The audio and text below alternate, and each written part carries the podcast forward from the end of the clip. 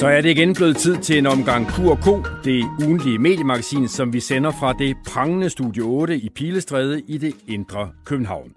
Vi er tidligt på den i den her uge, for som kender af programmet Hvide plejer vi at udkomme om torsdagen, men af årsager, jeg ikke skal trætte jer lyttere med, så er vi på gaden allerede i dag onsdag. I den kommende lille times tid skal vi runde en tidligere statsminister, der blev stødt på manchetterne, og det er en grad, at avisen, der ellers bryster sig af at ture, hvor andre tiger, skyndte sig at sige BB. Hvad er den nu af? Vi skal også forbi ugens mest omtalte kronik. Den er skrevet af Sas Larsen, men ikke af den Sas. Derimod af hans datter Nynne. Hun rejser debatten om, hvorvidt medierne tager tilstrækkelig hensyn til, at de udskældte politikere ofte har et familiebagland, der i hvert fald ikke kan gøre for noget. Vi får besøg af et andet politikerbarn, nemlig Peter Brigtoftes datter Marie, der også har prøvet turen. Til sidst i udsendelsen skal I møde en af de seneste 14 måneders mest anvendte coronaeksperter, professor og overlæge på Rigshospitalet Jens Lundgren. I denne uge meldte han ud, at nu gider han ikke mere. Han har, siger han selv, udtjent sin folkeoplysningsværnepligt.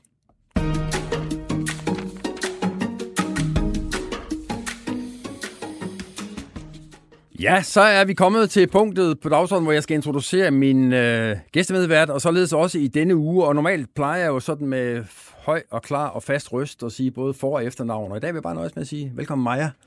Tak, Henrik. Øh, fordi sidst jeg øh, omtalte dig i, i programmet her i øvrigt øh, i, i hederne øh, vendinger, fordi du har lavet et fremragende interview med politikens chefredaktør Christian Jensen, der kom jeg i den grad galt afsted med at sige dit efternavn.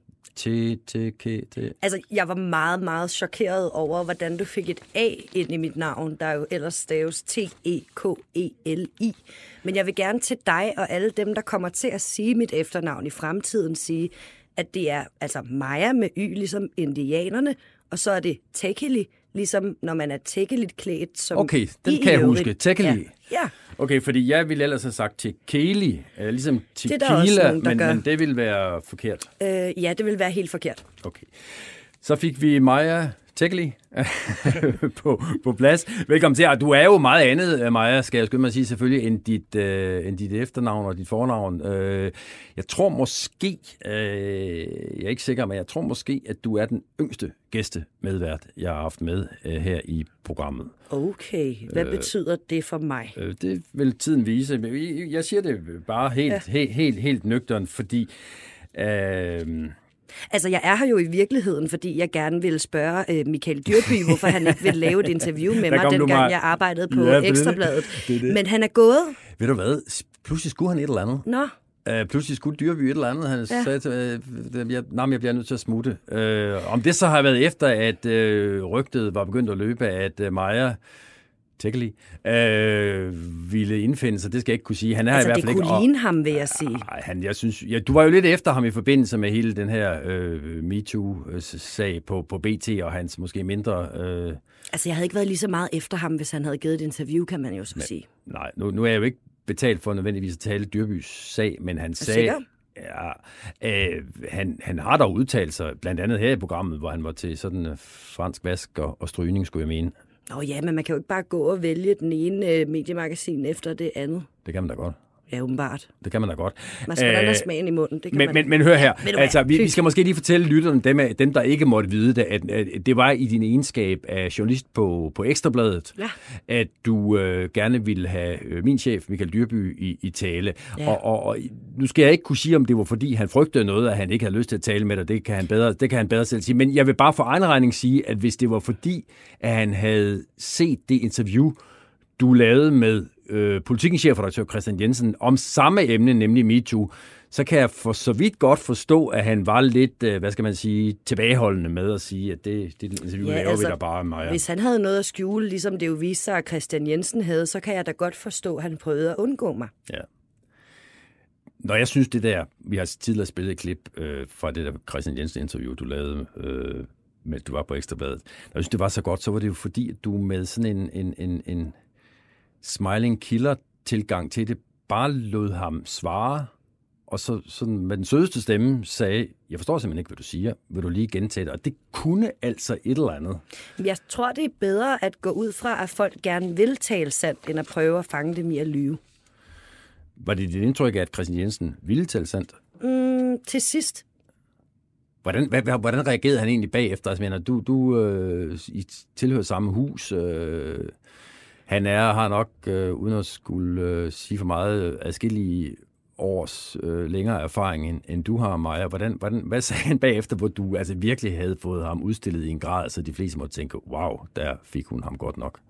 Øhm, altså, øh, jeg kan jo ikke citere ham direkte, men altså, jeg vil sige, at han virkede ikke sur. Øhm, han virkede også som om, at det var okay med ham lige at sidde og drikke sin kaffe færdig.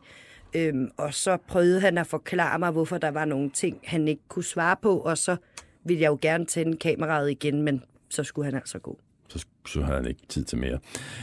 Uh, Maja, du uh, har været på Ekstrabladet. Ja, uh, med stor fornøjelse. Vi var der lidt på samme tid. Det var så hyggeligt. ja, bestemt. Jeg skulle have lavet et Instagram-kursus til dig, men det nåede vi ikke til, før du skrev. Nej, nej, men et eller andet kan jeg på Instagram. Jeg har for eksempel lige fået mig en ny kæreste gennem øh, Instagram, så det, ja. det medie kan jeg da varmt anbefale til alle som... Det virker ikke for mig. Men nej, altså. men så kan det være, det er dig, det er mig, det er dig der skal på kursus øh, hos mig. Det kan også være, at jeg bliver kendt nok nu, hvor jeg er med til, at det, folk... Øh, det kan være, men hvorfor, hvorfor forlod du Ekstrabladet?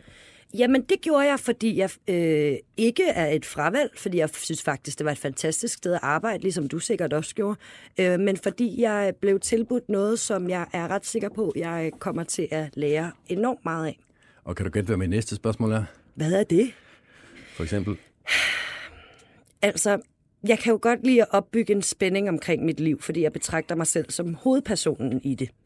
Men fordi jeg ikke synes, vi skal spille vores tid på at tale særlig meget om mig, fordi jeg jo har tvunget det er ellers, mig selv... Det er gæstemedverdens store privilegium, at det lige er en ja. del af kontrakten, at vi skal netop tale om, om, om Men det er jo fordi, at, at, at jeg ikke tror, at du sådan oprigtigt er interesseret i mig, fordi jeg skulle tvinge mig selv ind som medvært i dag. Nå. Så nu siger jeg det bare, mm. så, så vi kan komme øhm, til makronerne. Øhm, jeg kan bekræfte, at jeg arbejder sammen med Mads Brygger, og jeg kan i øvrigt bekræfte, at det bliver vanvittigt spændende. Og jeg har selvfølgelig spurgt Mads Brygger, hvad det egentlig er for noget, han har gang i. Fordi øh, der kommer et eller andet projekt fra hans hånd, øh, men han vil ikke sige så meget, og det vil du så heller ikke. Jeg har ikke lyst til at bryde min kontrakt nej, så hurtigt. Nej, det og, og, og det, er jo, det, det er jo helt fair. Men, men det er så til, men måske allerede næste uge, kunne der være noget nyt om projektet der. Men hør her, Mads Brygger er jo en tidligere 24-7 programchef. Ja. Øhm, der var han også min chef. Det var nemlig det, han var. Ja. Og øh, inden du kom på Ekstrabladet, øh, var øh, Christoffer Eriksen som er øh, også en af dine gamle kolleger fra... Øh, Han var også min chef, for jeg var både på programafdelingen og på nyhedsafdelingen. Og, nu synes jeg, der tegner sig et mønster. Altså fordi først får Christian, Christoffer Eriksen trukket over på Ekstrabladet, Nå. og så får øh, den anden 24-7-chef, Mads Brygger, trukket over på hans nye projekt. Hvad er det med de der, øh, det der netværk fra 24-7-tiden? Jamen, det kunne man jo næsten også spørge dig om. Mm. Men nu er det mig, der har privilegiet. Det er mig, der stiller spørgsmål. Nå, okay. Jo, men altså, hvis du fisker efter det, jeg tror, du fisker efter, Henrik, så bliver jeg nødt til at sige til dig nu, og det kan godt være, at du bliver ked af det, men Radio 24 kommer ikke tilbage. Mm. Nej, det ved jeg. Nå, okay. Nå, men, hvad, men, hvad så? Men, nej, men jeg tænker mere på den der, altså, det, det der fællesskab, der blev skabt mellem dem, der Nå. var på, var på, på stationen. Altså, og hvis man, altså... ser, hvis man sådan følger karrierevejene, så er der nogle helt klare mønstre, hvor 24, tidligere 24-7 folk rekrutterer, tidligere 24-7 folk, der igen rekrutterer. Altså, måske sådan lidt altså, incestuøst, vil nogen argumentere for. Og men, men der er ikke noget berøring involveret overhovedet. Men, men altså, jeg vil sige, jeg var jo så heldig at blive samlet op af Radio 24-7, da jeg gik på andet semester af journalistuddannelsen, fordi de synes, jeg virkede måske lidt underlig jo lidt... Øh, altså, som jeg kan huske, Michael har sagt, at jeg ikke stak op for bollemælk. Altså Bertelsen. Michael Bertelsen, ja. Øhm, så, så, og det var jeg virkelig glad for, og så fik jeg så i øvrigt lov til at blive praktikant på den synkende skude, øhm, og det var jeg også rigtig glad for. Øhm, så det jeg i hvert fald har erfaret, det er, at det fællesskab er et, hvor man ser hinanden og giver hinanden muligheder. Øhm, og, og det bliver jeg så, har jeg været heldig at få efter radioen lukket, øhm, af nogle mennesker, som jeg både synes er enormt dygtige, og som jeg stoler meget på. Og jeg kunne godt rose dem alle sammen rigtig meget, men jeg tror ikke, deres ego kan klare mere ros efterhånden. Så jeg vil sige, altså, lige med Christoffer Eriksen, så er det jo også enormt fascinerende, at, at der findes en mand, der er en kasket fra at være 25, som går som chefredaktør på et af de vigtigste aviser i Danmark. Ja.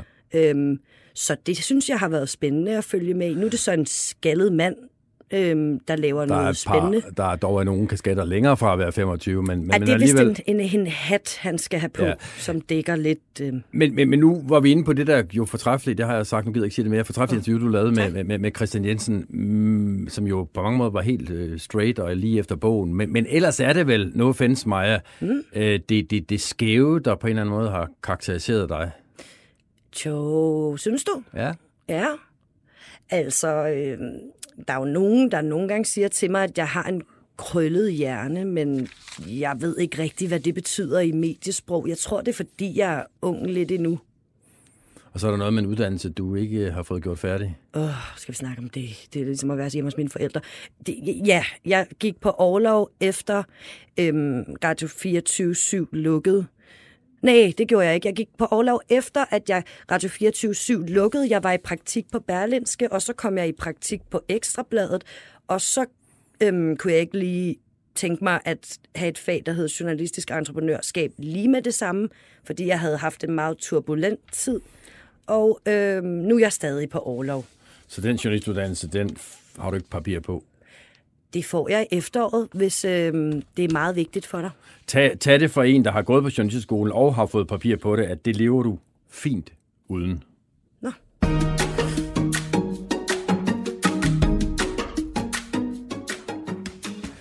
Øhm, vi skal lige videre i teksten nu, fordi vi skal til øhm, et øh, i denne uge meget omtalt klip, der i øvrigt blev bragt på øh, før omtalte Ekstrabladet. Øh, det er ikke længere at finde på Ekstrabladet, men af snirklede veje har vi sikret os øh, lydklippet, så det spiller der lige for der her. Du er sådan lidt øh, bordello-mor jo. Det der, skal vi nævne et solutop? Må jeg have lov til at sige Okay, der, der kommer jeg til at fornærme hende, eller hvad? Og for dem, der ikke ved, hvad det var, der foregik her, så er det Zulu Awards. Uh, Helle thorning Schmidt, tidligere dansk statsminister, ankommer øh, Ekstrabladets øh, reporter, hvad han nu er, René Fredensborg, satiriker, det er der lidt diskussion om, men i hvert fald Ekstrabladets øh, udsendte René Fredensborg stiller sig det her spørgsmål til øh, Helle thorning Schmidt øh, med noget bordelmutter øh, tøj, som han antyder, hun er på. Og han spørger hende så, om hun bliver fornærmet. Øh, senere skal vi høre, øh, om hun blev fornærmet. Jeg har nemlig ringet til hende, men inden vi hører det klip, øh, Maja, så kunne jeg tænke mig at høre, synes du, at der er grund til at være fornærmet her? Altså, jeg kan jo godt allerede høre på dig, når, vi, når du skal introducere det, at øh, det, man er lidt i tvivl om, når man ser det her indslag, og det jeg i øvrigt også kan forstå på alle involverede parter, øh, der har været forvirring, det er, hvad det er for et slags indslag, der bliver lavet. Altså, er han der som reporter? Er han der som kulturanmelder? Er han der som satiriker? Hvad er det egentlig, der foregår på den røde løber ude foran Zulu Awards? Øhm, og, og jeg forstår, hvis man oplever det som om, at der kommer en journalist hen og, og laver en, en joke, man synes er grænseoverskridende, hvilket jeg godt kan forstå, hvis man synes. Altså, du synes isoleret set, det er at gå over stregen og at sige noget med bordelmotortøj og noget? Øhm, altså, det, det tror jeg faktisk kommer helt an på, hvem du er, og derfor synes jeg ikke, det er min opgave som journalist at afgøre, om det er over stregen eller ej, men det jeg i hvert fald kan sige, det er, at jeg kan se, at der er noget forvirring om, hvad det er for et slags indslag.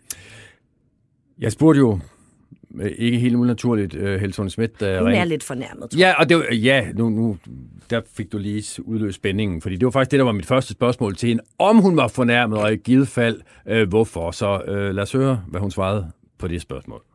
Ja, det gjorde han faktisk, øh, men ikke sådan, så jeg ikke kunne have det sjovt den aften øh, og gå glad videre til rød løber og en skøn øh, fest ved Sula Awards. Så det var ikke sådan øh, overvoldsomt, men øh, jeg, kom, jeg synes alligevel, det var noget mærkeligt at sige, og det snakkede jeg også med mine store børn om, da vi kom ind. Og da så Sofie Linde dagen efter øh, valgte at poste det og, og var rigtig, rigtig sur, så tog jeg det som et, øh, et kærligt prik på skulderen fra den yngre generation om, at øh, vi er altså ud over det stadie, hvor vi bare lader sådan nogle ting passere. Og derfor øh, gik jeg i gang med at prøve, prøve at få en undskyldning Og- fra Ekstrabladet. Og det kan jo være, at det for nogen er fuldstændig indlysende, og, og tilgiv mig, hvis jeg så spørger om noget, der er indlysende, men hvorfor er det så fornærmende, det her? Jamen det er fordi, det er et nedgørende sexistisk udtryk. Øh, og lige da jeg kom ind på den røde løber, så var der nogle andre, der spurgte andet. De spurgte mig, om jeg var en politisk spice girl. Øh, og det synes jeg slet ikke er nedgørende. Men det her, det er objektivt set et nedgørende sexistisk udtryk, og derfor hører det ikke hjemme, øh, at man kalder hinanden den slags. Øh, og, og jeg tror bare, der er en, en bølge lige i øjeblikket, hvor kvinder simpelthen er trætte af at blive kaldt alt muligt, som er nedgørende og sexistisk. Men Helle thorning Schmidt, den her episode finder sted ved Zulu Awards. Zulu er kendt for blandt andet at have satire og gå, gå til kanten. Øh, manden, der siger det her med bordel øh, på outfit, er en mand, der sådan er også er kendt for at være sådan på i hvert fald over i det satiriske. Er det ikke øh, noget, der bør være plads til den her slags? Det kan godt være, at det sådan i en mere sådan nøgtern sammenhæng kan virke krænkende, men netop når konteksten er, som den er, er det så ikke dig, der lige skal tørre øjnene? Jeg skal altid tørre øjne, det har jeg bestemt også gjort gennem tiderne, øh, men jeg, jeg aner ikke, hvem manden er. Ham det René Fred- Fredsborg. Jeg har aldrig mødt ham før, og håber I heller ikke, at jeg kommer til det igen. Så jeg vidste heller ikke, det var et satirisk indslag. Jeg havde ikke stillet mig op til et interview, fordi grunden til, at han får fat i mig, det er, for at jeg skal sløre mine øh, sko, og, og så taler han ligesom til min ryg, og det kan man også se på klippet, at jeg sådan set ikke stiller mig op til at tale med ham. Og så synes jeg, at alle omstændigheder, der er en, et tid til forskellige ting, og man behøver faktisk ikke bruge nedgørende sexistiske udtryk om kvinder. Øh, heller ikke øh, i satire. Det skal virkelig være sjovt for, at øh, det er en god idé. Så, så nej, jeg synes ikke, man skal acceptere det. Og før i tiden ville jeg nok bare have gået videre og glemt det, og Ja, det gjorde man jo før i tiden, men jeg tror, at den yngre, yngre generation siger til os, at det, det gider vi faktisk ikke mere. Øh, folk skal holde op med at kalde os øh, navne, og holde op med at kalde os nedgørende sexistiske udtryk. Men hvad nu, hvis det havde været i et, et fuldstændig øh, veldefineret satirisk univers? Det kunne være Jonas Bang på DR2, det kunne være Frederik Silius, som Kirsten Birke Sjøtskreds Hørsholm i Hedengangene 24-7, der havde sagt det her. Havde det så været inden for skiven? Måske. Altså, der er en tid og et sted til alting, så hvis man er med på en joke, øh, så kan det godt være, at det var øh, okay, men jeg synes, det er lidt voldsomt, når man ankommer til et awardshow, i øvrigt med mine to voksne børn, som jo dog godt kan tåle noget, men det er sådan lidt voldsomt at blive kaldt et nedgørende sexistisk udtryk, og det synes jeg ikke, man skal finde sig i. Så jo, hvis der er en satirisk ramme, som man selv har sagt ja til at være med i, så måske, måske, øh, men ikke i det her setup. Torning, det ender jo med, at du får en, øh, en undskyldning fra, fra Ekstrabladet. Den ansvarhavende chefredaktør, Pernille Holbøl, giver dig en, en uforbeholden undskyldning. Øh, er sagen slut der så? Ja, det er det for mit vedkommende, fordi at Ekstrabladet valgte at give det, jeg vil kalde en ordentlig undskyldning. Og det er jo ikke, fordi de skal ned og grave på knæen. Det er bare, fordi jeg synes, det er vigtigt, at de tager til efterretning, at det her det ikke var okay. Og med den undskyldning, jeg fik fra Ekstrabladet, så ser det også ud som, de vil prøve at undgå, at det her sker fremadrettet. Men som jeg også sagde til Pernille Højbøl, så tog det lidt lang tid, før vi kom derhen. Først så øh, sagde Christoffer Eriksen, at journalisten jo havde undskyld, så sagde jeg, at det er redaktionen, som har valgt at putte klippet på EB.dk. Skulle de ikke også undskylde, og er klippet i øvrigt taget ned? Det var det så ikke, da jeg spurgte. Så fik jeg sådan et øh, slap beklagelse fra øh, Christoffer Eriksen, så, og først i løbet af dagen øh, kom Pernille Højbød så med en det, jeg vil beskrive som en rigtig undskyldning. Så jo, undskyldning er bestemt taget imod øh, i den ånd, den er givet en god og ordentlig gedin undskyldning, men det tog bare ekstra lidt lang tid at komme derhen. Der er måske dem, der vil sige, øh, Helle thorning Schmidt, at Ekstrabladet er gået i kloster, blevet bange for egen skygge. Nu er det selvfølgelig ikke din hovedpine, om Ekstrabladet øh, ikke er, hvad Ekstrabladet burde være, men, men, men vil du kunne forstå dem, der tænker, hov, hvad skete der lige der? Altså, Ekstrabladet er ikke den frække dreng i klassen? Nej, overhovedet ikke. Ekstrabladet står jo stadig for skarp journalistik og at finde de gode historier. Jeg har fuld respekt for den journalistiske opgave, som Ekstrabladet løser hver eneste dag. Men Ekstrabladet har jo også sagt, at de gerne vil sådan, vriste sig fri af fortiden og den lidt sexistiske fortid, de også har. Og derfor tror jeg ikke, der går nogen skov af Ekstrabladets hårdslående journalistik ved også at forsøge at opføre sig lidt ordentligt og i tråd med det, de selv har sagt, men også i tråd med den almindelige diskussion i 2021 Sagde altså tidligere statsminister øh, Helle thorning Schmidt, som jeg ringede til øh, lidt øh, tidligere på dagen. Og, og Helle thorning Schmidt er allerede lidt inde på det. Altså nu skal jeg jo ikke øh, overfortolke, hvad der måtte være sket i Ekstrabladets chefredaktion, men det lyder jo som om, at der er sådan ligesom to tilgange til det her. Der er det, Thorning kalder den halvforkølede jeg husker det udtrykket, men det var vist meningen, altså den halvforkølede beklagelse, hun fik fra øh, Christoffer Eriksen, og så er der den mere ubetingede, uforbeholdende undskyldning, som hun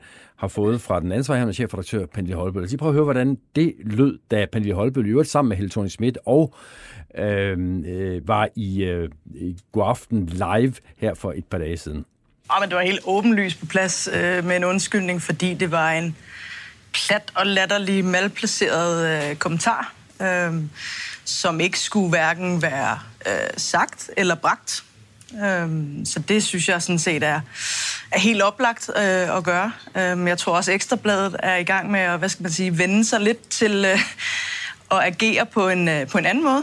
Og, øh, og det, øh, det, det kan man sige, det, det gør vi jo så i et, øh, i et tempo, som, øh, som, øh, ja, som, som, gerne, som godt kunne gå hurtigere, men altså, vi må tage dem, når de, når de, når de opstår sagde altså Pernille Holbøl, og, og det var selvfølgelig, det er jo lige det, ord, det navn, der forsvandt for mig før, Sofie Linde, der også var med i indslaget i God Aften Danmark øh, forleden dag.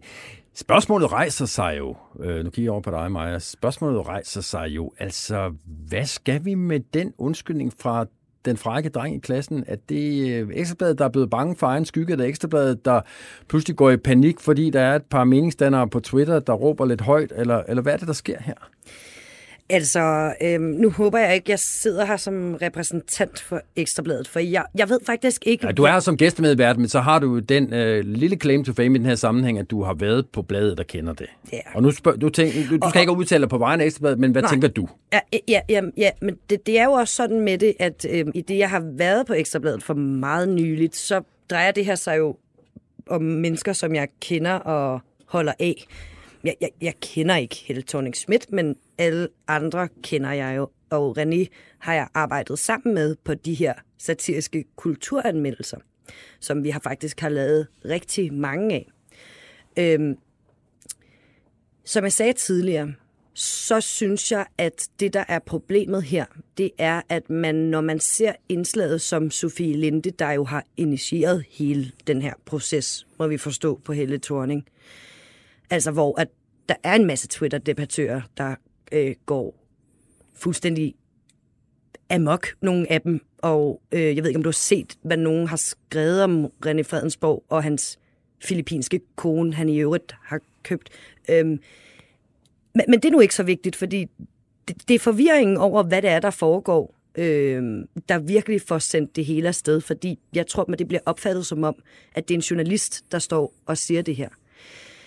Og, og der kan man sige, der, der vil jeg mene, at det, man skal gøre fremadrettet for at undgå den forvirring, er at deklarere sin satire mm. bedre, hvis Ekstrabladet den nogensinde kommer til at lave satire igen, efter Pernille Holbøl dræbte det i God Aften Live. Var det det, der skete, tænker du?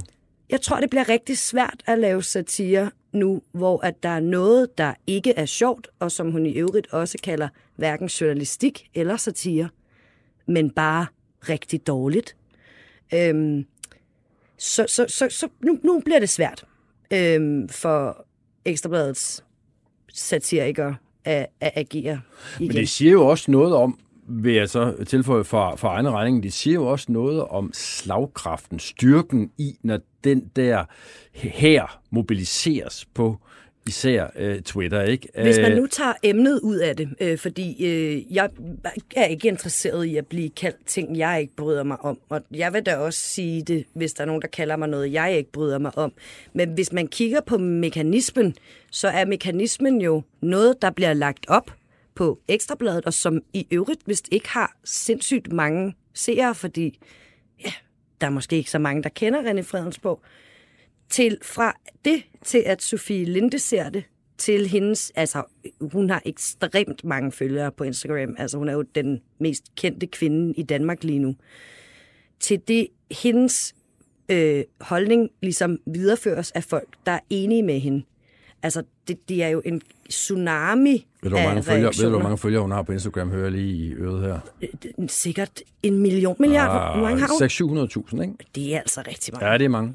Det er, Det er i hvert fald meget flere end René. Fredensborg, det tør jeg også godt uh, garantere. Ja, og, og, og der synes jeg jo også, at det er sjovt, at man siger, at man ikke, Helle Thorning kender ikke René Fredensborg. Det siger Sofie Linde faktisk også i God Aften Live, at øhm, hun ikke har set noget af det før, og hun tror i øvrigt også, at det er på BT på et tidspunkt.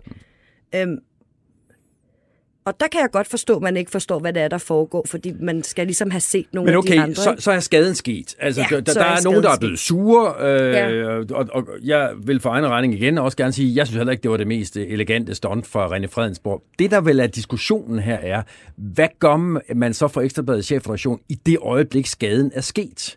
Øh, går man så, øh, altså bliver man så bange for egen skygge, eller siger man, okay, nu er der sket et eller andet, som måske ikke var så elegant, men, men verden er trods alt heller ikke gået under. Og hvad er konsekvenserne af, at vi går ud og giver den her øh, uforbeholdende undskyldning og ligner nogen, der er gået øh, lettere i panik? Hvad er konsekvensen af det? Og der kan man måske, der, der ser det i hvert fald ud til, at der er to skoler, ikke? Jo, jo, det gør det. Altså, øhm, jeg vil sige, ja, det er svært for mig at sige, hvad jeg havde gjort, hvis det var mig, der var ansvarshævende chefredaktør på Ekstrabladet. Men noget, jeg er fuldstændig overbevist om, er enhver chefs opgave, det er at beskytte sine medarbejdere. Og øh, jeg mener, at når det er selvfølgelig også på grund af setup'et i God Aften Live, at man sidder og, og, og, og nærmest går i gang med en diskussion om, hvorvidt den navngivende medarbejder egentlig burde blive fyret, øh, så bliver det blæst ud af proportioner på en måde, det ikke skal. Øhm, altså, der er jo nogen, der øhm, ikke mener, at det er så stort et problem, som det er blevet gjort til, hvorimod nogen mener, at det så i øvrigt også skal slettes fra Ekstrabladets kontekst og leve videre på sociale medier. Og jeg har et fundamentalt problem med, at noget eksisterer udelukkende på sociale medier.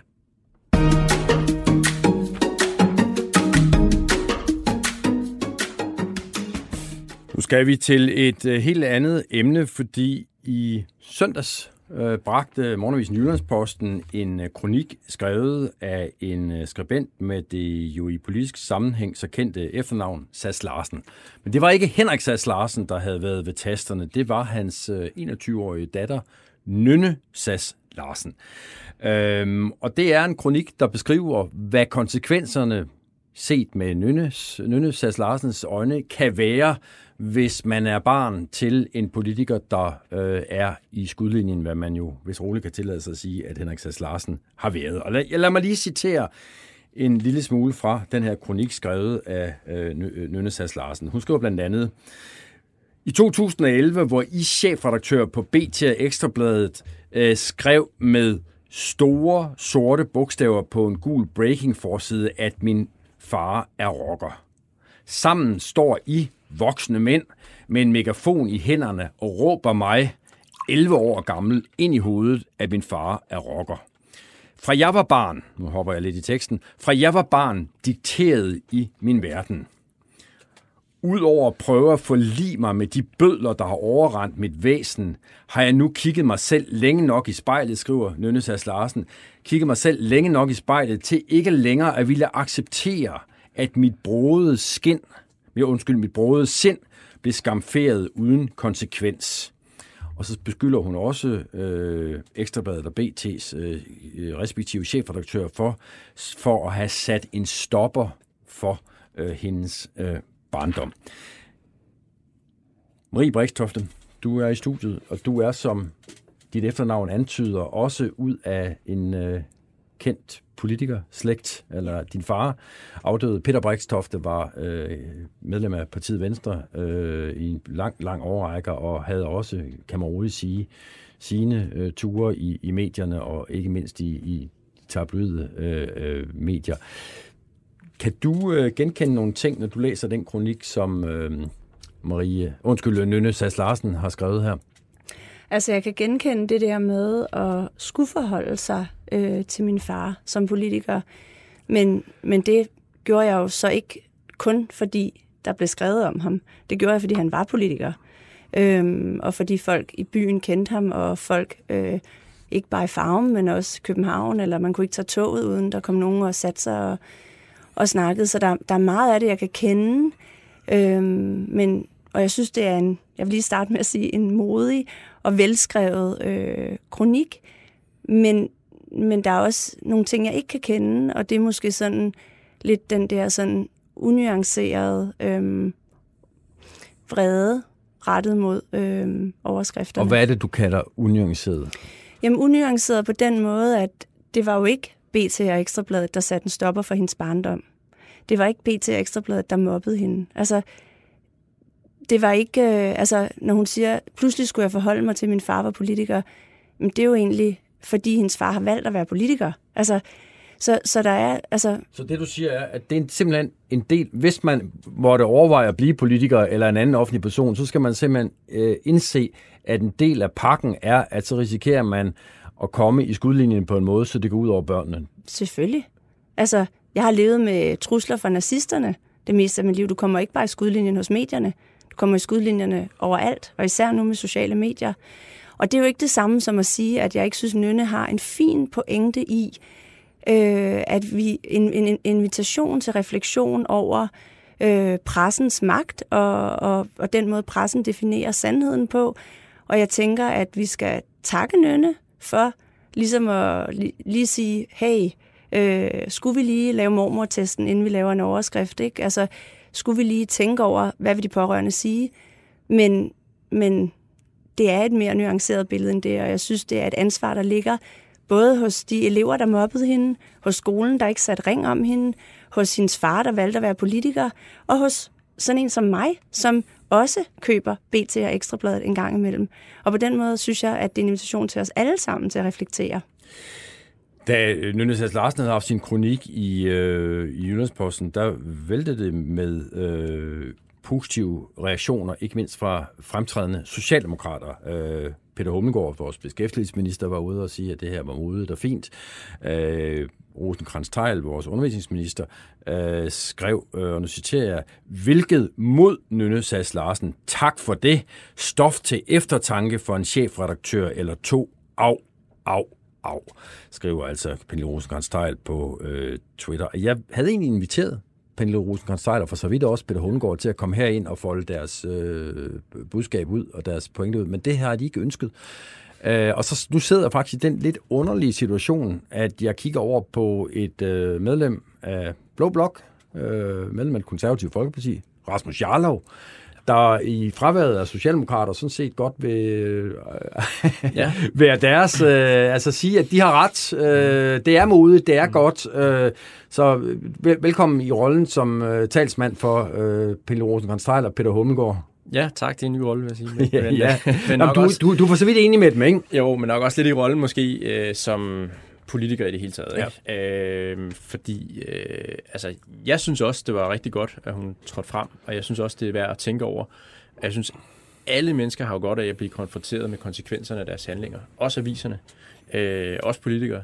Øh, og jeg synes, det har været lidt noget klønk øh, fra Ekstrabladet her den sidste uge, hvor man har haft meget travlt med at tale om, at øh, de har fundet en faktuel fejl i noget, hun har skrevet, øh, og så har de brugt utrolig meget energi på at tale om det, i stedet for at forholde sig til hovedbudskabet, som er... Men nu sidder vi og taler om, hvilke konsekvenser ja. har det her for børnene, ja. og hvad, hvilken øh, slutning bør det føre til, at øh, medierne drager. Hmm, ja, præcis.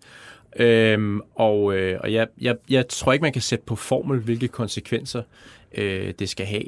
Men jeg synes, at man skal reflektere over, at øh, der er nogle mennesker, der bliver ødelagt, øh, og det er øh, nogle, nogle hårde skæbner, som øh, nogle politikere, så vidt også andre kendte, som kommer i mediernes øh, øh, mølle, øh, de kan blive fuldstændig ødelagt, og det har enormt store øh, menneskelige konsekvenser. Og jeg synes jo, altså, der er jo ingen, der, er ingen, der mener, at medierne ikke skal afdække, når en politiker begår noget, som er kritisabelt, øh, forkert, ulovligt, alt muligt. Selvfølgelig skal vi have masser af kritik, der, og det synspunkt findes slet ikke.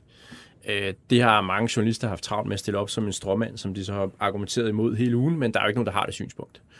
Øh, men, men man kan godt have det synspunkt, at medierne nogle gange øh, bliver ved for længe, Øh, det synes jeg. Jeg synes, medierne øh, bliver ved for længe, også når folk er knækket og ligger ned. Øh, Henrik Sass Larsen blev decideret syg, Øh, og alligevel bliver man ved. Øhm, jeg synes selv, jeg har prøvet her i inden for de seneste par uger bare øh, at opleve, at en af mine tætte kollegaer, Nasser Carter, har været ude i en meget hård, hård mediestorm, og øh, han, han går også ned, øh, bliver syg med stress, og øh, det eneste, der kommer ud af det, det er bare, at han bliver hundet for at blive syg. Og det synes jeg er for groft. Altså, øh, der må man godt være en lille smule øh, menneskelig at sige, når man decideret bliver syg ja, så kan man godt blive ved med at kritisere sagen, men det at decideret at stå håne folk for at være syge, det synes jeg over, overstreger. Men hvis man nu læser øh, Nynne Sass Larsens kronik, så, så bebrejder hun jo konkret øh, medierne, at de har omtalt, at hendes far har siddet i noget rockerselskab. Mm.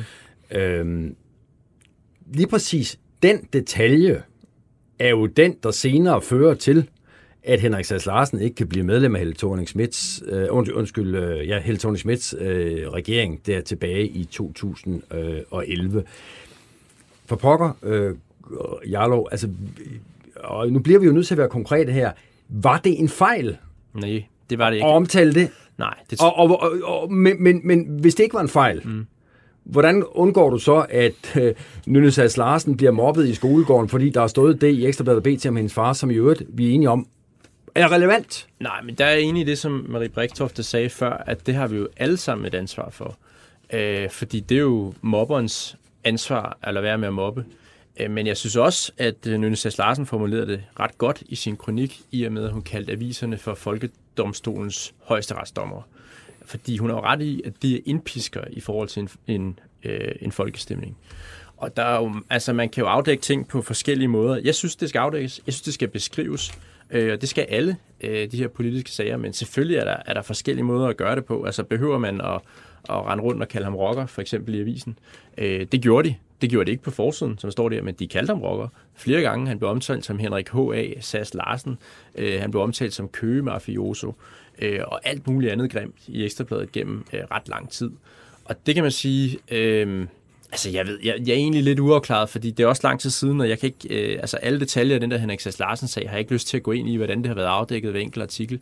Men jeg synes, at man skal tage ansvaret på sig, og så sige, at det medfører da selvfølgelig. Men, men det er jo så der, Marie Brikstofte siger, at det, den overvejelse skal dem, der vælger at være blive politiker egentlig foretage, inden de overhovedet mm. bevæger sig ind i det game. Fordi hvis du først er ja. i det, ja. så kan du ikke sige, at jeg vil være halvt med. Ja, Jamen, det gør vi jo også. Altså, det tror jeg, at alle politikere har overvejet. Det ved vi godt. Øh, jeg ved det også godt øh, som politiker. Jeg har set flere politikere være igennem det der. Jeg har været tæt på din Espersen, dengang hun blev øh, nakket af BT på en, en temmelig brutal måde, vil jeg også sige.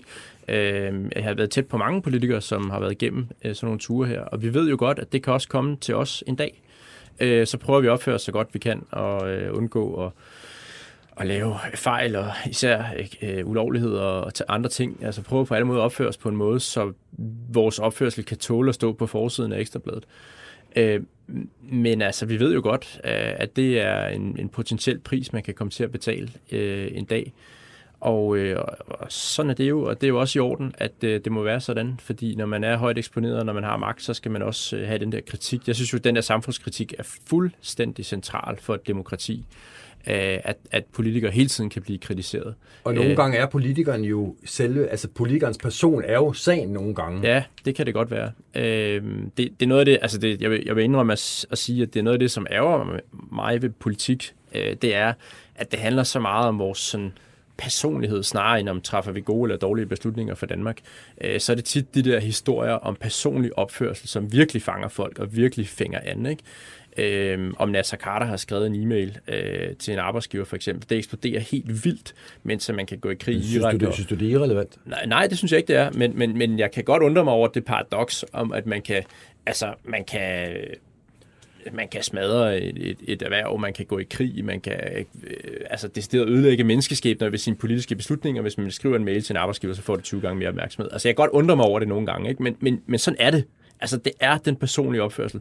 Og det er også naturligt, at folk bedømmer os på vores personlige opførsel, fordi de kan ikke i samme grad altså vurdere alle detaljer af politiske beslutninger. Og derfor gør man noget andet, man vurderer personligheden og siger, at det her personer, vi har tillid til, som vi tør sætte i den post, øh, at de skal sidde og træffe store, vigtige beslutninger. Ikke? Marie, prøv lige at tage os med tilbage. Mm. Øh, du var, må du rette mig, men du var lidt ældre, da din far sådan for alvor var i ilden, en, en, en nynne her øh, Ja. beskriver. Men, men, men, men dog stadig hans datter. Ja. Og jeg kunne godt tænke mig at høre, hvordan er det egentlig øh, at se et menneske, som man elsker, Hmm. øh, blive beskrevet som Ja. forfærdelig? Ja, altså, jeg var 23, da skandalen rullede, men inden det var der også tit nogen, der, altså han var jo borgmester i mange år, og der var mange, der kæmpede for at få ham ned med nakken, fordi ja, han havde succes, og kunne det virkelig passe og sådan noget. Så i alle de år har jeg været udsat for os øh, negative, meget negative øh, overskrifter. Men min far sagde altid, husk, al presse er god presse. Det motto ændrede han så i 2002. øhm, Ja, for jeg skulle sige, det ville næsten være overmenneskeligt, ja, hvis han kunne holde fast i det. Ja, der, der, der, måtte, der, der var det ham, der, der så måtte rette os, når Ja, ja, vi ja. prøvede at sige det til ham. Men øhm, så, så jeg er også som 11-årig blevet mobbet og drillet og skubbet til. Der er nogen, der løbet efter mig og råbt navn af mig og stukket en kæp i hjulet. Altså fysisk en kæp i hjulet, ikke metaforisk. Øhm, og engraveret ting i skolen, som vi havde af Marie Brikstofte. Og, så, men, men altså for mig, der, altså, jeg lærte også, altså jeg synes også, der er en gave i sådan noget. Altså det er ikke for at sige, så det er ikke for at sige, det, det er godt, når der bliver skrevet øh, forfærdelige ting om ens far. Men, men det har også givet mig hår på brystet, og det har gjort mig mere ligeglad med, hvad folk synes om mig. Og det synes jeg faktisk er en gave. Altså, øhm, så, øhm, men da, der i 2002, da skandalen rullede, der var det hårdt, fordi det var massivt. Det var sådan en, en hets, og det fortsatte dag. Altså, de havde jo det hele planlagt, og det var dag efter dag efter dag efter dag. Altså, og der er, det er lidt ligesom en bokserunde, ikke? Altså på et tidspunkt, der må man øh, stoppe den, eller sådan øh, råbe knockout eller et eller andet. Men, men det er hårdt, altså. Og for mig var faktisk det hårdeste, det var at se min far lide.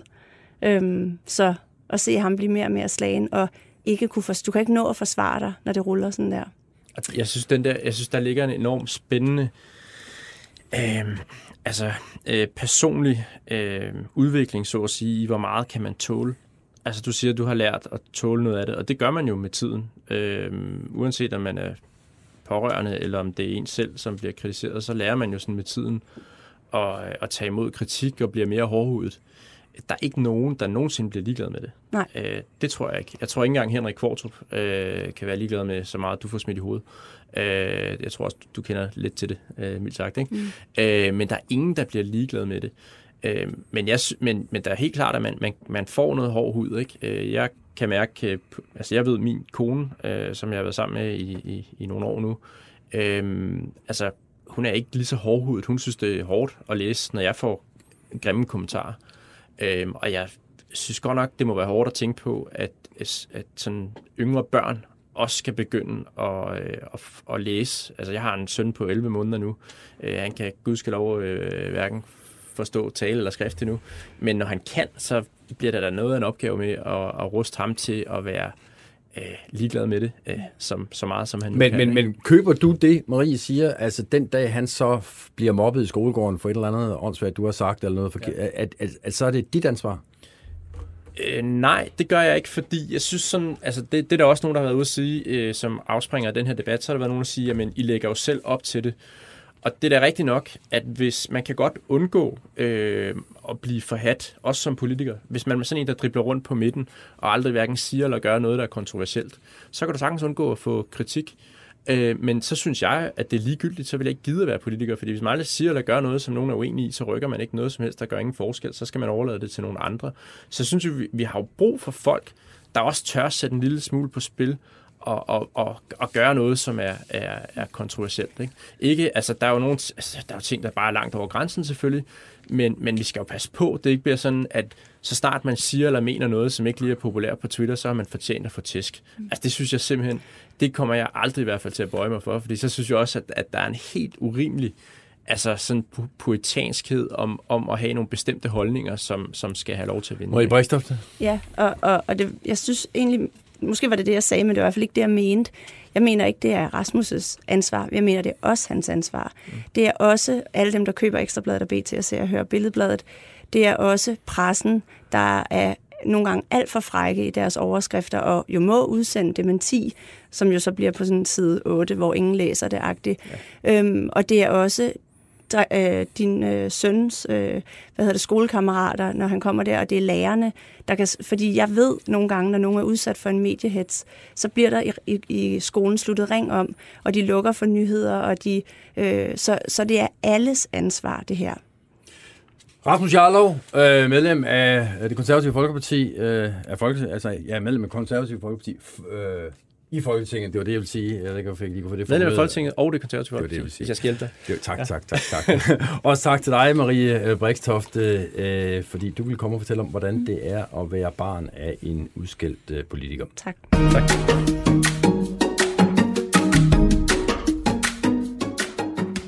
Vi bliver faktisk en lille smule ved emnet her nu, sådan ud fra en mere sådan lidt øh, presseteknisk øh, vinkel, fordi den her kronik, som vi sidder og taler om, der jo altså blev bragt i, i, i Jyllandsposten, øh, der var Jyllandsposten ikke skribenten, altså Nynne Sass Larsens første valg, fordi Nynne Sass Larsen havde øh, noget tid for inden indsendt den her kronik til politikken.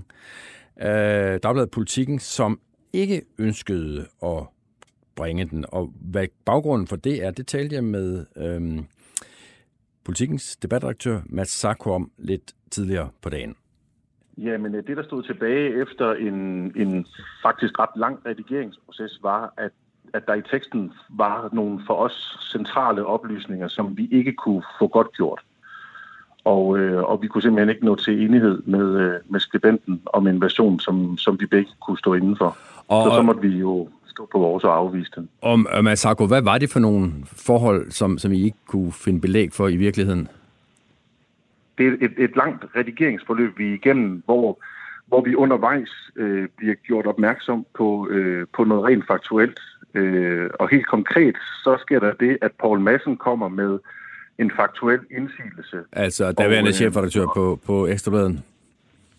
Daværende øh, ansvarshavende chefredaktør på Ekstrabladet, som, som bliver kritiseret i, i, i den tekst, som vi sidder med. Og der befinder vi os øh, pludselig i den sådan, for os på politikken lidt uvante situation, at da vi efterprøver indsigelsen, så viser det sig, at Paul Madsen faktisk har ret. Øh, og, og da vi har sundet os lidt oven på den bombe, så, så forsøger vi så at justere teksten ind efter den øh, øh, meget fornuftige indsigelse, som, som Poul Madsen har. Og den indsigelse kan jeg jo godt sige går konkret på, at Ekstrabladet jo ikke har bragt en forside, sådan som det fremstilles i, øh, i, i debatindlægget.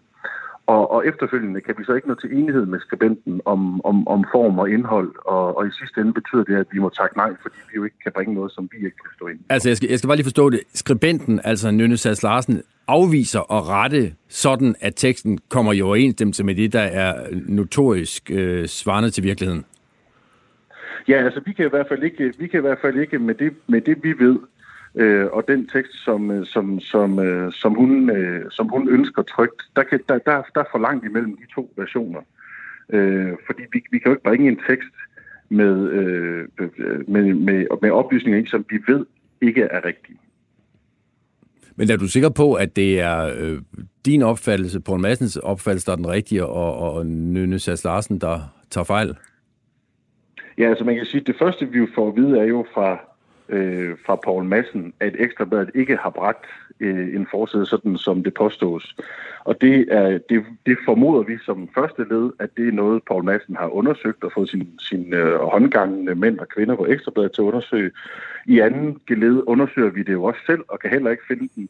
Og vi øh, beder selvfølgelig også om, om dokumentation for påstanden, fordi det kan jo sagtens være, at vi tager fejl, og det kan sagtens være, at vi tager fejl, og at Ekstrabladet tager fejl. Øh, Øh, og hvis øh, skribenten kan godt gøre, at det forholder sig sådan, som hun skriver, jamen altså, så er det jo så er det klart, så kan vi jo sagtens, så kan vi sagtens bringe det. Men der, der når vi ikke til, og i den, så er der jo andre muligheder, kan man sige. Redigeringsmæssigt kan man jo gøre mange ting med sådan en tekst.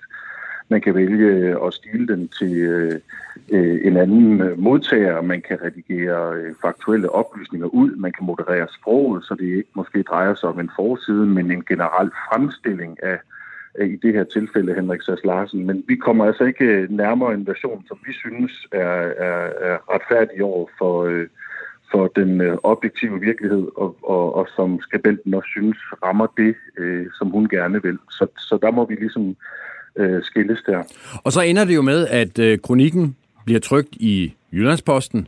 Vi kender ikke den redaktionelle proces øh, forud for, for, for det, for den offentliggørelse, men, men, men Masako, når du læser den kronik, som Jyllandsposten så ender med at trykke, så kan jeg ikke lade mig at spørge dig, vil du have trykt den? Nej, det vil jeg ikke. Øh, med den viden, som vi har, og, det, og, og jeg skal jo retfærdigvis sige, at det er jo faktisk først en viden, som, øh, som vi får, da Paul Madsen øh, får teksten i hænderne. Men det er der jo sådan set ikke noget odiøst i. At vi gør jo tit det, at vi forelægger stærk kritik for de folk, som bliver kritiseret, og hvis de har rent faktuelle indsigelser, så justerer vi jo selvfølgelig i forhold til dem, hvis de kan, hvis de kan holde til et faktatjek. Øhm, så, så, så vi bliver jo opmærksom på det via Paul Madsen, og, og, og, for, og for så, hvad kan man sige, angrebet den øh, øh, faktuelle præmis så godt som vi nu kan. Og der, der ved jeg ikke, om Jyllandspostens proces har været den samme, altså om de har forelagt det på forhånd. Øh, det er jo ikke nødvendigt, at man gør det, men vi synes, at her, i det her tilfælde var kritikken så hård, at det var en rimelig ting at gøre. Øh, og, og så er det jo ikke sikkert, at de er blevet opmærksom på det, men vi ville ikke kunne have bragt den tekst, sådan som den står nu, fordi vi er vidne om, at, øh, at Ekstrabladet ikke har bragt den forside, der beskrives. Så det du siger er, at den kronik, der ender med at blive trykt i Jyllandsposten, indeholder oplysninger, som du ved er objektivt set usande? Den indeholder øh, oplysninger, som vi, så godt som vi har kunne undersøge det, øh, ikke er i overensstemmelse med sandheden. Jakob Nybro, øh, du er ansvarhavende chefredaktør på øh, netop øh, Jyllandsposten, og lad mig starte med at spørge dig, øh, hvorfor trykker I noget, som til synligheden ikke er rigtigt? Jeg tror, eller jeg ved, at vi læser simpelthen øh, den kronik anderledes, end, øh, end politikken så til synligheden har gjort. Jeg kender jo, skal jeg lige skynde mig at sige, jeg kender ikke øh, den udgave, som øh, øh politikken har sagt øh, øh, nej til. Jeg kan så forstå, at de ikke vil trykke vores udgave. Det, det, er, jo, det er jo deres valg. Øh, når jeg læser den kronik, så efterlader den et indtryk af en pige, som, som redegør for, hvad der er sket i hendes liv, siden hun var 11 år, og hendes far, Henrik Sass Larsen, øh, blev øh, forbundet med nogle rockere i, i øh, der, hvor han bor. Øh, og, og hvad det har gjort ved hende, den der, den der omtale, der har været det. Og på et tidspunkt i sin tekst skriver hun, at hendes far bliver, hvad er det nu, der står, øh, udskrevet som rocker på forsiden. Der står, vi chefredaktør på BT Ekstrabladet skriver med store sorte bogstaver på en gul breaking forside, at min far er rocker. Det er det, der står. Ja, ja. Og, og det læser jeg som, øh, altså, jeg må jo sige, i lyset af, sådan som debatten har udviklet sig, så, kunne der, så burde der måske have stået øh, øh, øh, øh, opfattes som rocker, eller sådan noget i den stil. Ikke? Ja, fordi det, det, det er jo det, hun mener. Hun mener jo, at den samlede pressedækning har efterladt et indtryk af, at hendes far var rocker. Men, men jeg, jeg, afbryder, jeg, Nybro, jeg afbryder lige. Jeg kunne ja. godt tænke mig at vide, faktatjekket i overhovedet den her kronik inde i tryk, den ligesom politikken valgte nej, at gøre? Fordi, nej, nej, fordi vi, det fakta, som ligger her, det er jo hendes følelse. Altså, det er jo, det er jo hende, der har ejerskabet til, hvad hun har øh, oplevet undervejs fra hun var 11 år frem til nu, hvor hun er 21. Men, men nu, jeg, undskyld, jeg afbryder lige igen, Jacob. Altså, man kan vel for pokker ikke føle, man kan vel ikke føle, om noget er skrevet med store sorte bogstaver på en gul breaking forside, og der står min far rocker. Det er jo, det er jo, ikke, det er jo enten, altså, det er jo enten en dreng eller en pige, han har sagt. Det, det er jo enten sandt eller falsk. Altså, men det er så lige der, hvor vi måske er lidt uenige, og, og der, hvor jeg meget gerne medgiver, at, at sådan som debatten har udviklet sig, så havde det da været fint, og hun havde skrevet, at efterlod og forsiderne det indtryk, at min far var rocker. Det er jo det, hun mener. Og hun, hun er jo blevet spurgt siden. Øh, altså, man kan jo bare spørge hende, hvad hendes, hvad hendes ærne var. Øh, refererer hun til en konkret forside? Det gør hun jo ikke. Altså, blandt andet så står der jo ikke citationstegn, at de bogstaver, som hun bruger, er ikke store. Altså, det, det er ikke en regulær og konkret overskrift. Det er en oplevelse af, hvordan øh, perceptionen af hendes far var på baggrund af, af, af den øh, mediedækning, der var på det tidspunkt og den omkostning, vi har haft for hende. Øh, og, og i lyset af, hvordan øh, debatten har udviklet sig, så er jeg overdet mig, at sådan en ømskinnet presse, som, som Ekstrabladet for eksempel, øh, nu går op i det, i stedet for rent faktisk det budskab, som, som øh, Nynne Sass Larsen kommer med, nemlig at, at vi skal alle sammen tænke os om, fordi der er øh, uskyldige ofre i, i, i en medievind, øh, som, som, den, som hendes far var udsat for. Jeg kunne godt tænke mig at spørge dig, Jacob Nybro, hvilke tanker gør du dig i forhold til, at den her øh, kronik jo nærmest øh, øjeblikkeligt affødte kommentar fra, jeg ved ikke hvor mange øh, topsocialdemokrater om, at der kunne medierne vel nok lære det, og det her måtte give stof til eftertanker, au, au, au. Altså, at den her jo givetvis ærligt følte kronik fra en, øh, fra, fra en 21-årig kvinde bliver brugt sådan måske i en lidt større sammenhæng, som jeg ikke skal kunne gøre mig til, til dommer over, hvorvidt hun har kunnet gennemskue, men som I er helt tydeligt, er helt tydeligt, altså den bliver brugt til at sige, at øh, medierne går for langt. Hvad tænker du om det som ansvarhavende chefredaktør på Jyllandsposten? Altså, jeg tænker først og fremmest, at, at, at øh, hvis jeg nu starter med at forholde mig til, hvad kronikken indeholder, så, så er der da noget at tænke over i forhold til, om man giver øh, øh, øh, mennesker tilnavne. Altså, øh, Ekstrabladet kalder jo øh, Henrik Sass Larsen for rocker Sass i en, i, en, i en overskrift. Ganske vist ikke på en forside, men på en artikel om, øh, hvad, som sammendrager, hvad øh, debatten handler om på nationen. Så, så, så det er jo ikke det er jo ikke grebet ud af den blå luft, at, at han bliver forbundet med rockervirksomhed. Øhm, øh, altså det, det, det står til troende. Men hvad, hvad efterlader det hos mig som, som ansvarshævende chefredaktør? Men det han efterlader mig ikke med betragtningen om, at man ikke skal gå efter manden, øh, sådan som, som Lønne Sass Larsen øh, foreslår, øh, hvis manden er bolden. Øh, og det er, det, er jo, det er jo det, der er helt centralt. Altså, vi har jo selv øh, dækket øh, ganske intensivt Frank Jensens afgang, øh, slutter hans, hans, først hans, øh, hans sager i forhold til MeToo, og siden hans afgang. Øh, og det, det, det er jo fordi, det er Frank Jensens sag, ligesom det er Henrik Sass Larsen, der mødes med mennesker, som, som det bliver altså øh, det, det bliver problematisk for ham at have mødtes med. Ja, og, og, og det skal vi selvfølgelig afdække. Jo, jo, altså, og Frank, det, det er men, fuldstændig øh, på, altså, der er der fuldstændig på pressens side, om jeg så må sige. Men, men, men, men og, det, og du kan nok regne ud, at det det spørgsmål, jeg vil stille dig nu. Altså, Frank Jensen har jo også børn, der kunne skrive ja, en fuld, fuldstændig identisk kronik, hvis de ville, gå ud fra.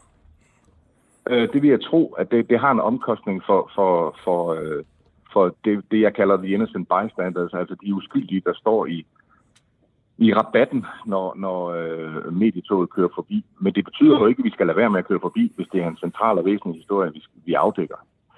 Øh, øh, og det er ikke fordi, jeg synes, at pressen nødvendigvis har et ene ansvar for det her. Altså, der, først og fremmest synes jeg jo, at børn, der mobber, har et ansvar. Deres forældre har et ansvar. Øh, og jeg synes selvfølgelig, at politikerne skal sørge for at, at ruste deres børn til et, et liv ude, øh, ude i vinden, øh, når, man, når man går ind i politik.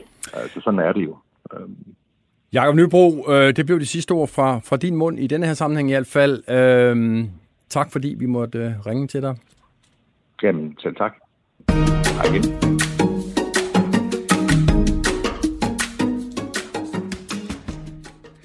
Maja, jeg læste en sjov overskrift på TV2.dk i dag, øh, hvor, eller et sjovt citat var det på TV2.dk, hvor Allan Randrup, den øh, jo meget øh, anvendte corona ekspert øh, gennem de seneste 14 måneder lod sig citere for følgende. Jeg er for første gang for alvor bekymret. Ah, nu igen? det var også det, jeg tænkte. Altså, øh, har den mand ikke været bekymret i de sidste 14 måneder, helt øh, on a daily basis? Nå, øh, jeg, jeg nævner det, fordi øh, en anden af de meget anvendte, måske en knap så bekymret røst, en, øh, en anden af de meget øh, anvendte eksperter, øh, Jens Lundgren, meldte ud i øh, denne her uge, uge at øh, han nu stopper. Øh, ikke som læge, ikke som professor, ikke som corona-forsker, men som sådan en folkeoplyser, fordi Jens øh, Lundgren skrev på øh, Twitter, pandemien har været en udfordring på mange ledere og for mange mennesker, en krise med det nødvendige behov for klar kommunikation. Nu er der ro på, og derfor tid til, øh, som han skriver, at move on. Jeg afslutter aftaler, men træder nu ud af rollen som folkeoplyser efter 14 måneder i den rolle. Tak for denne gang, skriver altså Jens Lundgren på Twitter. Jeg ringede tidligere på dagen til Jens Lundgren og spurgte til baggrunden for den udmelding.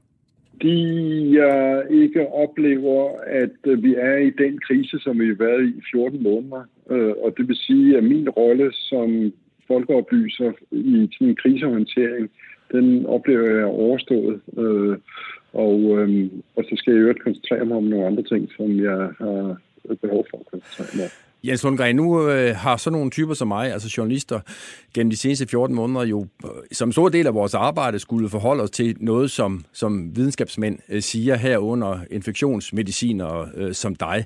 Øh, hvordan har det været sådan fra sidelinjen og jagtage af folk, der ikke har forstand på det fagområde, man selv er ekspert i, pludselig begynder at kloge sig der? Jo, men altså, det, det skal I jo selvfølgelig gøre på egen, egen regning. Altså, det, øh, fordi det, det øh, og jeg regner med, at I som seriøse journalister så opsøger den øh, øh, viden, som der er behov for, for at kunne kvalificere jeres synspunkter. Altså, mit, mit bidrag har jo ikke været så meget at øh, forholde mig til, hvad I siger, men mere at prøve at hjælpe med at forklare, hvad der egentlig talt sker altså under sådan en pandemi her. Øh, og det har jeg oplevet som min rolle, øh, og det er i hvert fald den rolle, jeg, jeg har tiltaget mig altså som ekspert, som der kan prøve at hjælpe til med at skabe en bedre klarhed i noget, som der virker skræmmende og meget, meget anderledes øh, på folk. Men hvad synes du, og jeg ved, det er et lidt bredt spørgsmål, hvad synes du om mediernes måde at håndtere det her på?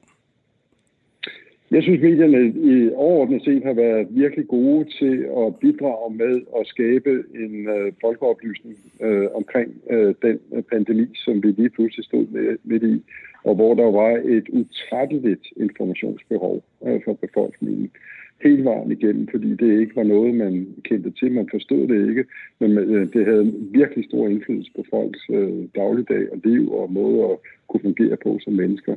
Og der har medierne jo været en rigtig fin øh, mellemstation til at sørge for, at den, den viden, øh, at den blev kommunikeret ud på en ordentlig og redelig måde. Synes du, at medierne generelt har taget for let eller for, øh, hvad kan man sige, alvorligt på det her, øh, den her problemstilling? Jamen, der, der er jo ligesom to måder, kan jeg jo se, at I agerer på. Altså, den ene er, at I bidrager med faktuel viden og får eksperter til at forsøge at kvalificere de ting, som der sker. Øh, det oplever jeg som ren folkeoplysning, øh, som der er i høj grad brug for. Den anden øh, del af jeres virke, forstår jeg, det er jo, at I skal også være kritisk over for øh, magten, ikke? regeringsmagten, de udøvende, øh, dem der sidder og beslutter. Øh, og, og det har været lidt mere, øh, det, det har været lidt sværere for mig at gennemskue, øh, hvor gode I har været til det, og om I egentlig har forstået helt, hvad der er foregået, hvilket der selvfølgelig også kunne være meget svært at finde ud af. Øh, øh, den har jeg lidt svært ved at forholde mig til, forstår du. Men den første del omkring at øh, faktisk bidrage med faktuel viden, øh, og, og som der ligesom kan skabe en ramme omkring det her, som der var så anderledes, øh, og så øh, ud af kroppen opleves for mange mennesker det synes jeg, I generelt set er lykkedes med.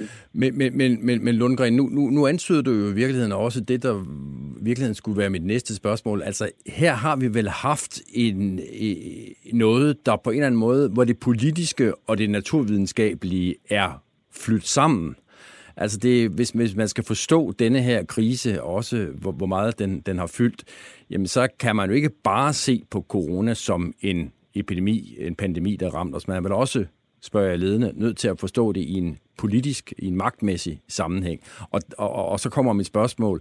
Øh, der bliver du vel også som videnskabsmand, og som en brugt videnskabsmand, og som en øh, videnskabsmand, som regeringen øh, ofte har refereret til, på en eller anden måde ført ind i et spil, som du måske ikke er så erfaren med.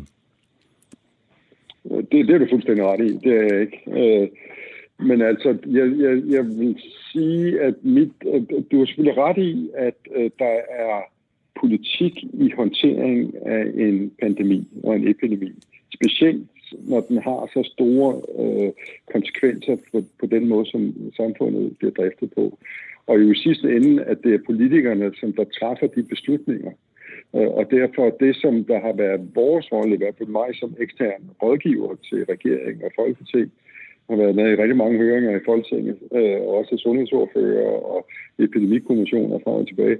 Det er jo på at forsøge at bibringe dem en faglig viden, sådan så de mere kvalificeret kan træffe de beslutninger, øh, som de nu engang skal træffe øh, som de folkevalgte.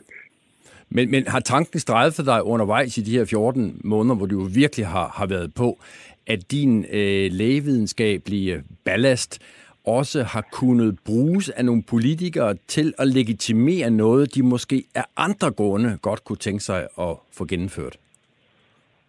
Ja, jamen, det ved jeg, øh, at det er sket. Øh, øh, fordi lige pludselig så selv bliver man fået ind i et spind, hvor der lige pludselig kører nogle andre dagsordner, end dem, som det her egentlig handlede om. Og jeg vil sige, specielt her de sidste par måneder øh, er det blevet meget tydeligt.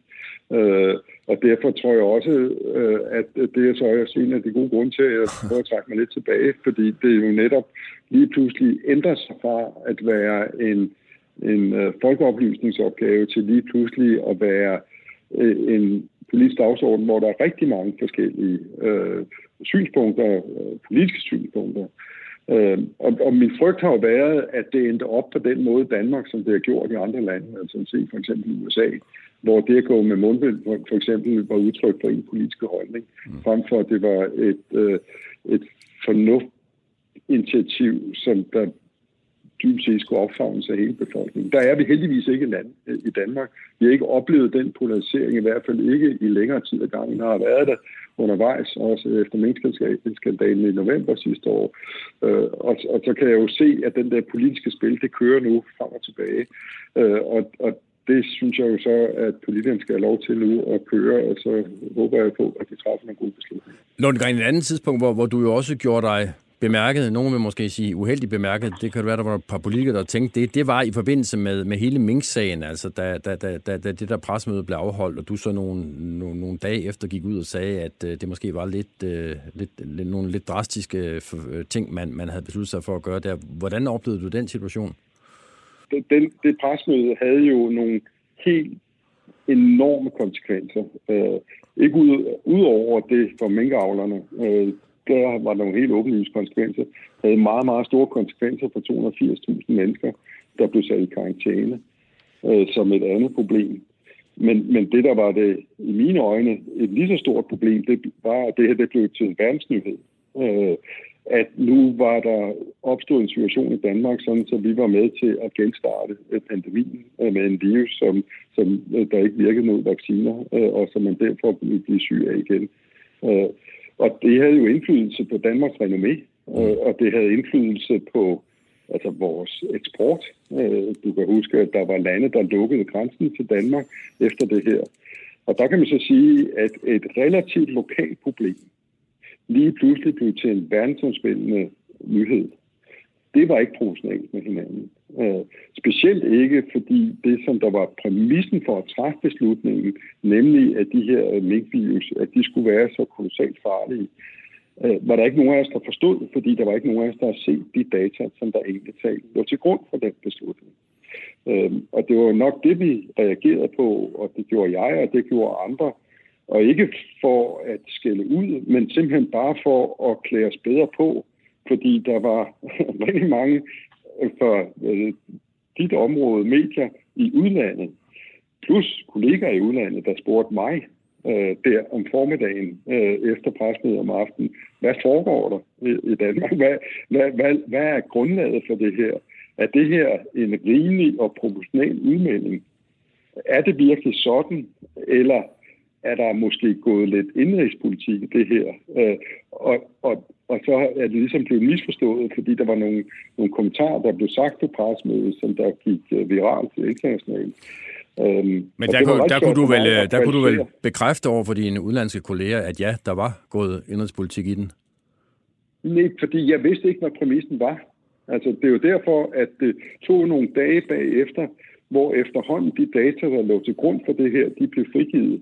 Og hvor, da vi så så dem, og ikke alene os, men der var rigtig mange, der så de data, så blev jo den her mistanke afvæbnet. Mm. Altså, der var et meget berømt øh, frigivelse af de virussekvenser, øh, som der lå til grund for det her, som der var blevet holdt hemmeligt indtil da, som der så blev lagt ind på en international søgemaskine, og hvor der så sad eksperter fra hele verden og analyserede over weekenden og kunne afmontere, at der ikke var et problem. Så, så, så man kan sige, at det, der var præmissen for presmødet, det faldt fra hinanden, fordi der var en global indsats. Fordi hvis det virkelig var på den måde, så var det her jo virkelig, virkelig alvorligt. Og derfor var der en meget stor, og nu skal du høre mig sige, ikke selvfølgelig udelukkende dansk interesse, men der var en global interesse for at finde ud af, hvad var op og ned i det her, Fordi det er sjældent, at en statsminister, øh, flankerede eksperter, går ud og siger sådan noget her, midt i en pandemi. Øh, så må det virkelig være alvorligt. Man har selvfølgelig hørt det i nogle lande, men i et vestligt land var det virkelig, virkelig mærkeligt, at det blev sagt så hårdt, som det blev sagt på det pressemøde. Og der bliver kommunikation lige pludselig øh, noget, som man skal passe meget på med, for ikke at overgøre problemet. Øh, og og, der, og det, dermed ikke sagt, der ikke var et problem ved, at der var nogle udbrud på nogle minkfarme, som der så smittede mennesker. Altså Serum har vurderet, at der er måske et par tusind eller tre, der er blevet smittet med virus, der har været forbi øh, mink. Øh, og det var selvfølgelig et problem i og med, at der var så mange mink. Øh, øh, og, og derfor måtte man gøre noget ved det, men det var jo ikke en ny problemstilling. Altså mm. det her, det var diskuteret siden juni, øh, at der var et problem, at mink kunne blive smittet, og mennesker kunne blive smittet tilbage. Men, men hører jeg dig sige, at da du som øh, videnskabsmand sad og, og, og øh, lyttede til det her øh, berømte minkpressemøde, der havde du øh, oplevelsen af, at, at der måske var en, et sammenstød mellem skal vi sige, politik og magt på den ene side, og så på den anden side øh, lægefaglig videnskab? Jeg kunne i hvert fald ikke gennemskue og jeg kunne slet ikke gennemskue, hvorfor det var så nødvendigt at sige det så kraftigt, øh, og argumentere så kraftigt for en trussel, øh, som der så viste sig efterfølgende ikke være der. Det kunne jeg simpelthen ikke gennemskue. Jeg, jeg kan høre, jeg var ikke med i den proces jo, øh, af naturlige årsager, op til det, det famøse presmøde, og derfor ved, hvordan dialogen har været, og hvem der har forstået, og hvem der måske har misforstået, det, det skal jeg ikke kunne kommentere på. Jeg kunne kun forholde mig til, at presmødet faktisk blev afholdt og blev øh, Øh, refereret rundt i, i verdenspressen efterfølgende, og altså havde et, øh, et rigtig stort impact. Altså det var på det tidspunkt fyldte enormt meget i de internationale øh, netværk, som jeg tilhører, øh, fordi det var det, vi havde alle sammen lidt frygtet, at der kunne komme sådan en flugtvariant. Og det var det første eksempel, hvor det her det blev talsat, at det faktisk havde udviklet sig. Så derfor fik det en meget stor attention internationalt. Og dertil selvfølgelig, og svaren til det, ærgerligt, at historien så efterfølgende falder lidt fra hinanden. Jens Lundgren, nu hvor du ikke længere skal øh, bruge din øh, tid til at snakke med typer som mig, hvad skal du så have tiden til at gå med? Åh, oh, du, øh, vi, vi, vi skal finde ud af noget endnu bedre behandling øh, mod covid. Vi ja. skal finde ud af, hvordan vi holder fast i immuniteten i befolkningen, sådan så det ikke får øh, en situation, hvor vi behøver at lukke øh, samfundet ned igen. Øh, og jo ikke kun i Danmark, men, men globalt. Øh, og så skal vi øh, i gang øh, tilbage til noget af den forskning, som vi også lavede før, som jo stadigvæk er relevant, og også med covid overstået. Øh, og så skal der udvikles en øh, pandemiberedskab og en pandemiplan, øh, sådan så vi ikke i fremtiden står lige så øh, uforberedte, som verdenssamfundet øh, okay. de facto var. Så der er sådan set rigeligt at tage sig til. Så altså Jens Lundgren øh, nu ikke længere folkeoplyser, men alene, og det er så også tilstrækkeligt øh, professor og overlæge ved, ved Rigshospitalet. Maja Tekeli, ja. som jeg har lært, det hedder. Øh, ja. Vi er nået til vejs ende så småt. Øh, du ligner en, der har lidt mere på hjerte. Ja, ja, men altså, jeg, du må lige undskylde, jeg blev lige slået lidt ud af et så langt interview med en, der sagde, at han ikke vil snakke med medierne længere. Øh, men jeg tænkte på, når vi er ved at være færdige nu, kan du så ikke vise mig de der radiostudier, som øhm, Anders Krab laver for statens penge herinde lige nu? Ja, det, det, jeg betaler for dem, så må jeg da godt lige komme ind og stå i det. De er ikke øh, færdige nu, Nå. Øh, men det Ej, bliver forhåbentlig bedre end det, vi sidder i her. Ja, jeg tænker, Fordi det er ikke, som jeg, lyd, ikke? som jeg også sagde i starten, det er jo ikke just prangende forhold, men uh, så meget desto mere uh, hederværdigt er det jo, at vi trods alt får en slags udsendelse ud af det. Jamen, hvor skal de... Altså, det, det er her. De det er her i huset, ja, ja. Uh, på fjerde sal, siger min producer. Med bedre lyd og nogle dyre mikrofoner, måske noget bedre lydisolering. Er du utilfreds med, med udstyret, eller? Øh, jeg vil bare med glæde betale for noget nyt til jer, og det kommer jeg også til var det godt at høre. Uh, og det blev sidste bemærkning fra min kære øh, gæstemedvært i dag, Maja Tekeli, og, og den yngste ever. Uh, tidligere 24-7, tidligere Ekstrabladet, og nu uh, indskibet med uh, den fandenivoldske Mads Brygger til hvad, ved jeg ikke, men det kan være, at ugen, der kommer, bringer os nærmere, nærmere på det. Uh, tak til uh, min producer, Rasmus Søgaard, som igen igen bare igennem. Øh, og øh, også tak til lytterne, fordi I hang på. Vi er tilbage igen øh, inden længe. Tak skal I have.